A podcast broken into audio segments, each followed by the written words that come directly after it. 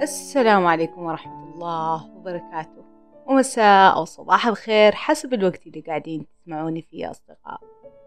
أهلا وسهلا فيكم. معاكم أمل. وهنا بودكاست تائه. البودكاست اللي وجدته أو وجدني عندما قرأت عليك أن تكون تائها لتجد أماكن لم تصل إليها من قبل. وأدري هالمرة تأخرنا. تأخرنا عليكم مرة.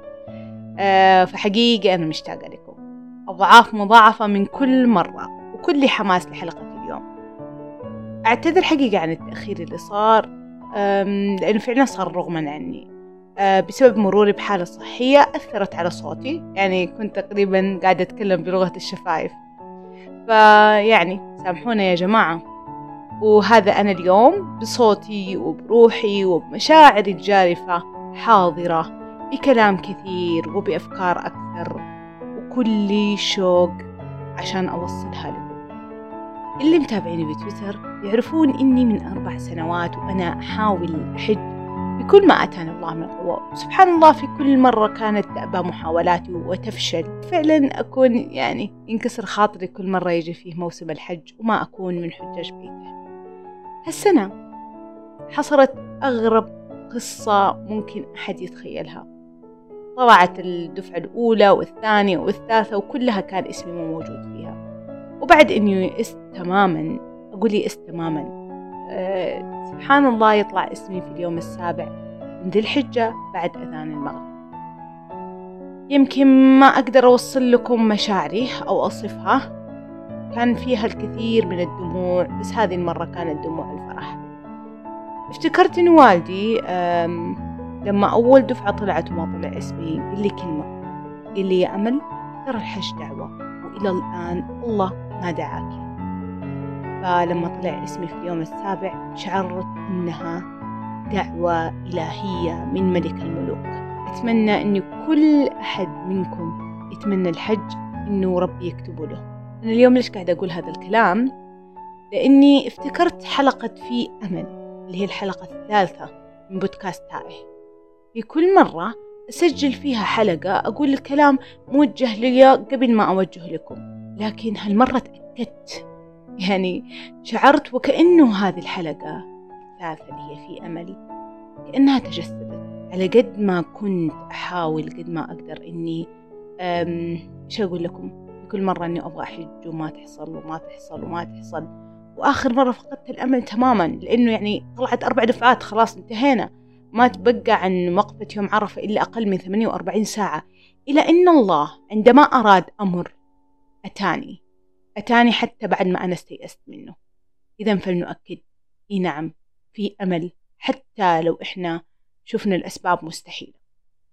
وهذه دعوة لمن يستمع اليوم لأول مرة إنه يرجع لحلقاتنا السابقة سواء في أمل سقوط حر أو غائبا حاضر. على فكرة دعيت لكل أحد يعرف أمل لكل أحد يحمل لها شعور لطيف أو حتى يعرفني معرفة سطحية.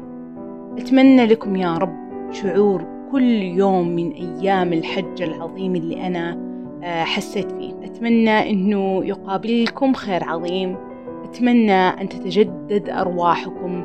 أتمنى آه، أن الله يرزقكم أضعاف ما تتمنون إن كان لكم خيرة فيه.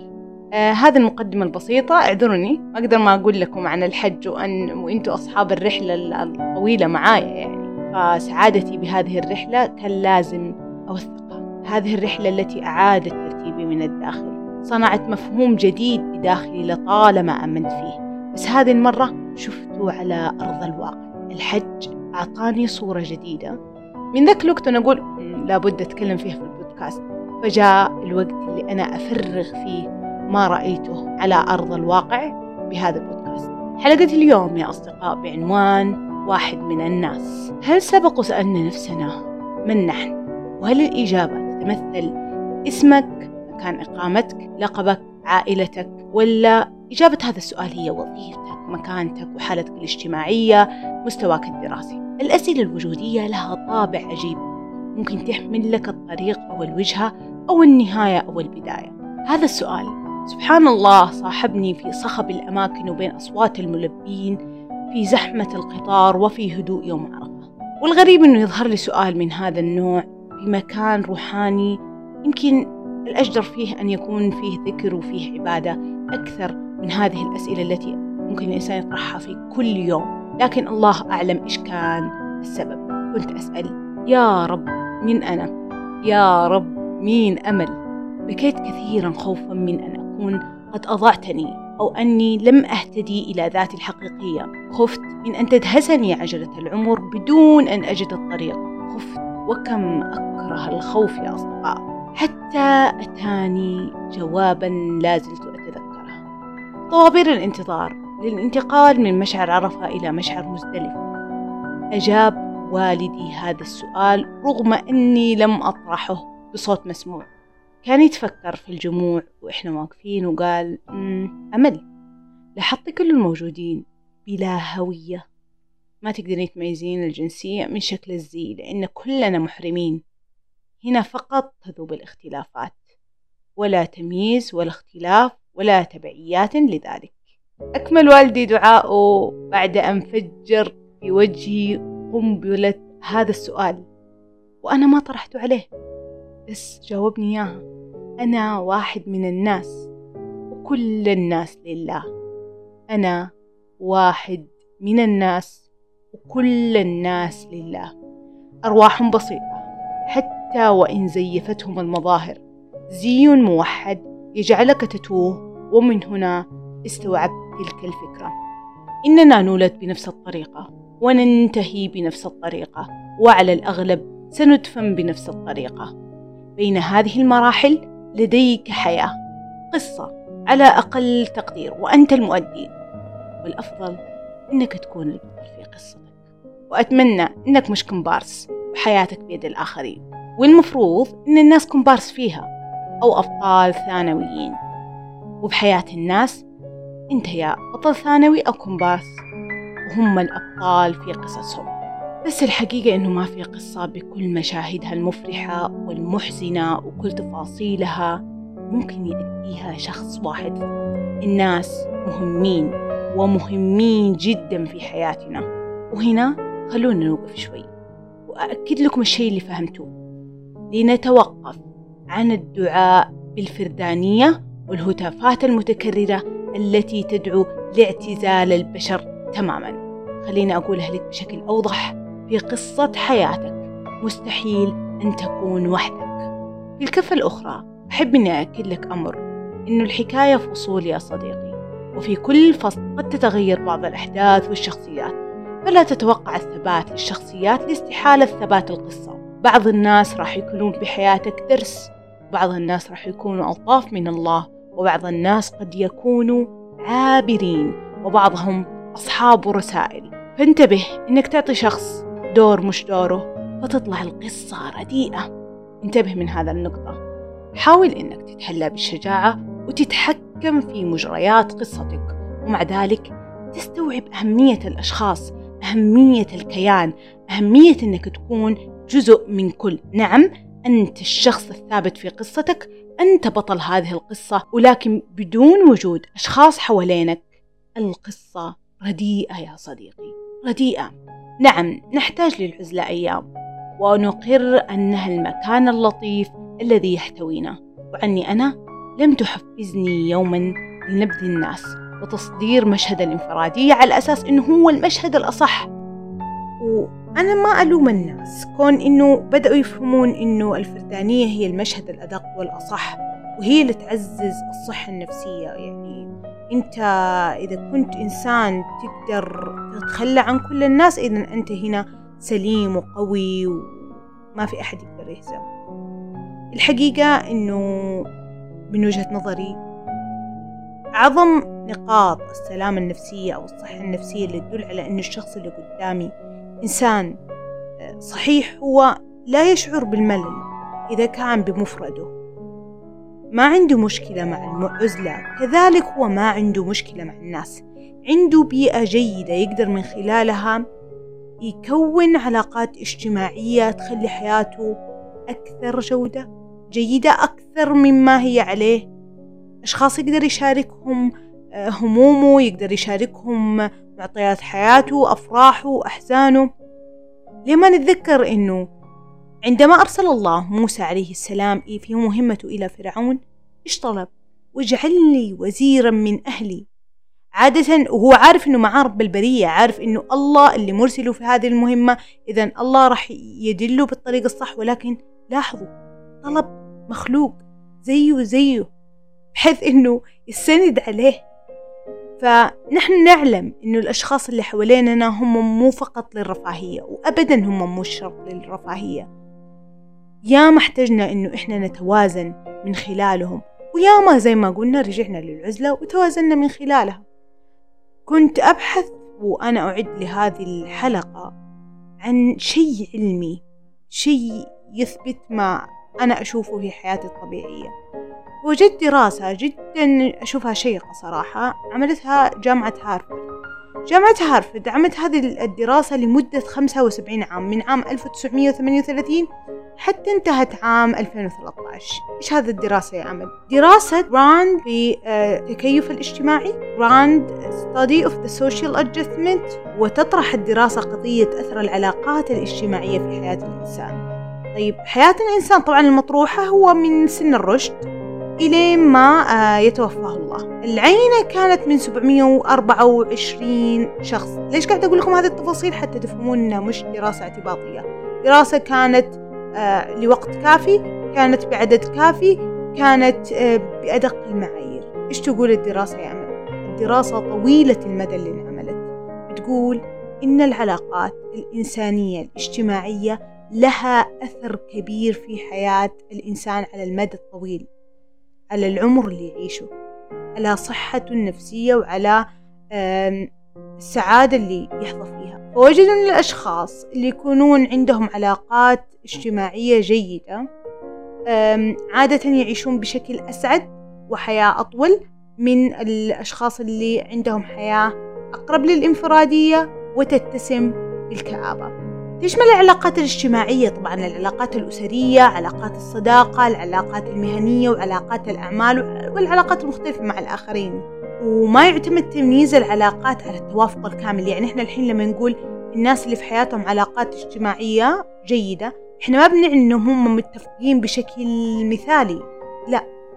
ولكن عندهم قدرة على إدارة هذه الخلافات في بيئة من المحبة والثقة تذيب الأثر السلبي للاختلافات.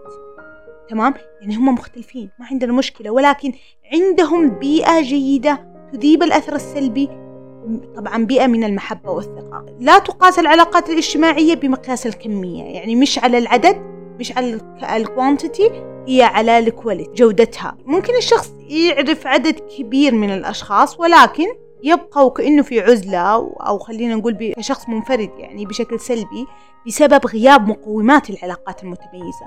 وقد يعرف الإنسان عدد محدود من الناس يعني يمكن يقول لك أنا عندي صديق ولا صديقين وعلاقتي في عائلتي عائلتي already عائلة صغيرة لكن هذا الشخص يكون علاقاته الاجتماعية ذات جودة ممتازة فبالتالي نحسبه عنده هذه النقطة. يعني لاحظوا هي بال quality not بال quantity تمام؟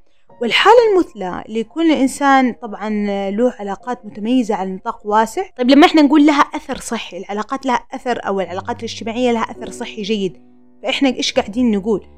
مش فقط على نشاط الجسم وحيويته وتعزيز مناعته ومقاومة الأمراض بل يتضمن أيضا صحة الدماغ ونشاطاته الفكرية والحماية من الألزهايمر. جاءت هذه النتائج من أرض الواقع. كثيرين في هذه العينة كانت علاقاتهم الاجتماعية محدودة. كثير أيضا كانوا متميزين ولكن هنالك بالطبع فهناك بالطبع من اتصفت علاقاتهم بصفات بين الاثنين. ومن هنا برزت النتائج كمحصلة مستخلصة من الجميع. إيش النصيحة اللي إحنا قاعدين نقولها يا جماعة؟ أو اللي نستخلصها يا جماعة؟ اهتموا بعلاقاتكم الاجتماعية. حاولوا تحطون جهد لإنجاح علاقاتكم الأسرية المهنية العاطفية. حاولوا إنكم صداقاتكم ولكن قبل ما تحطون هذا الجهد تأكدوا أن الجهد المبذول في مكانه. تأكدوا أنه هذول الأشخاص هم أشخاص جيدين.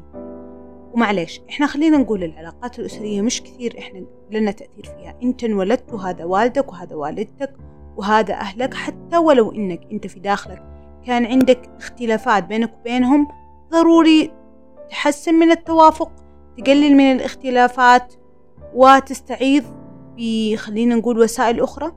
ممكن الفراغ اللي في النص يتعبى بأي طريقة كانت آه، بعلاقة أسرية أنت تنشئها في المستقبل تصحح الخلل اللي أنت تعرضت له أو من خلال أصدقاء ثقة تبنى الحياة معاهم بشكل أفضل. لكن خلينا نقول الأهل ما نقدر نغيره. نيجي للجنب الآخر الصداقات. وهنا أنا وجهة نظري أساس التأثير ينشأ. اليوم أنت بكل شفافية. لو تقول لي مين أصحابك أنا هقول لك في حدود الخمسة ست سنوات اللي قدام أنت وين بتكون. إذا صاحبت الناجحين فأنت الناجح القادم. وإذا خلينا نقول وإذا صاحبت التعساء لابد أن تصلك منهم أثر. وإن صاحبت الأشخاص ما نقول الإيجابيين ولكن من يجدون مخرج دائما راح تلاقي مخرج معاهم.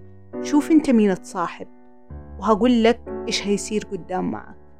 ما هي سر؟ النبي صلى الله عليه وسلم تحدث عن الجليس الصالح وجليس السوء فبدليل أنه يوجد تأثير. الإنسان سبحان الله أحيانا يكتسب سماته ومو أحيانا هذا أكيد. يكتسب سماته من المشاهدة. حتى لو إحنا قلنا في شخص نعاشره في صفة سيئة وإحنا داخلنا نقول لا وننتقد عليها بعد فترة قد تطبع هذه الصفة فينا بدون ما إحنا نحس. خلينا نعطيكم مثال. كم مرة إحنا انتقدنا أهالينا على أمر معين واستأنا منه ولما كبرنا هذه الصفة صارت فينا. إيه، ما عمركم لاحظتوا الأشخاص اللي عندهم أطفال إنه فجأة سويت تصرف لطفلك ثم تذكرت إنه أنت كنت وأنت صغير أهلك إيه، تصرفوا معك هذا التصرف. هذا ما هو سر. نعم الشخص بطبيعته قد ينسخ السمة اللي هو يتعرض لها.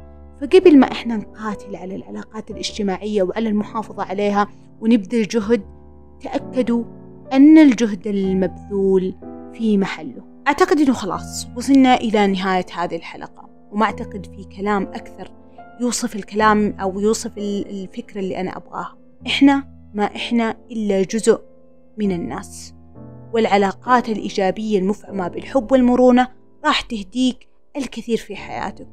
وخلينا نقول من حق المجتمع اليوم إنه يصحى ويصحصح ونوقف شوية المد... ال... الكلام اللي إحنا قاعدين نحاول نوصله أو اللي من غير شعور قاعدين نتشربه من خلال برامج التواصل وغيره إننا قاعدين نحاول نمثل إنه آه الإنفرادية أو بدون شعور آه تشربنا هذه الفكرة الغربية خلينا نقول إنه الإنفرادية هي الأصح. نحن مع العزلة السليمة. نحن مع العلاقات الاجتماعية السوية. إحنا مع الجودة وليس الكم.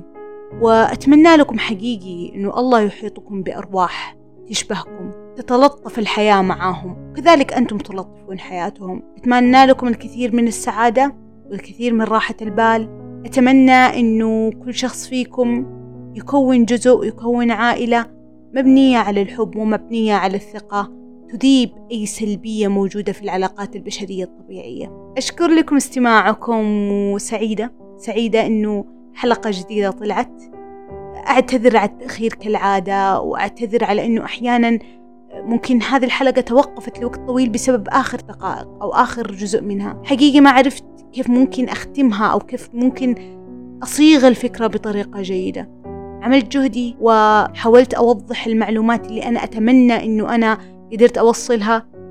ممتنة ممتنة ممتنة ولا يكفيني الكلام لإبراز هذا الامتنان. أدعوكم وأطلب منكم أنه أي شخص يعجب بأي حلقة من هذه الحلقات أو بأي فكرة أنه يشاركها للأشخاص اللي هم يحبهم ويحبونه يوم سعيد. إيش ما كان اليوم اللي قاعدين تسمعوني فيه. وأتمنى لكم الكثير الكثير من الأوقات السعيدة. في أمان الله.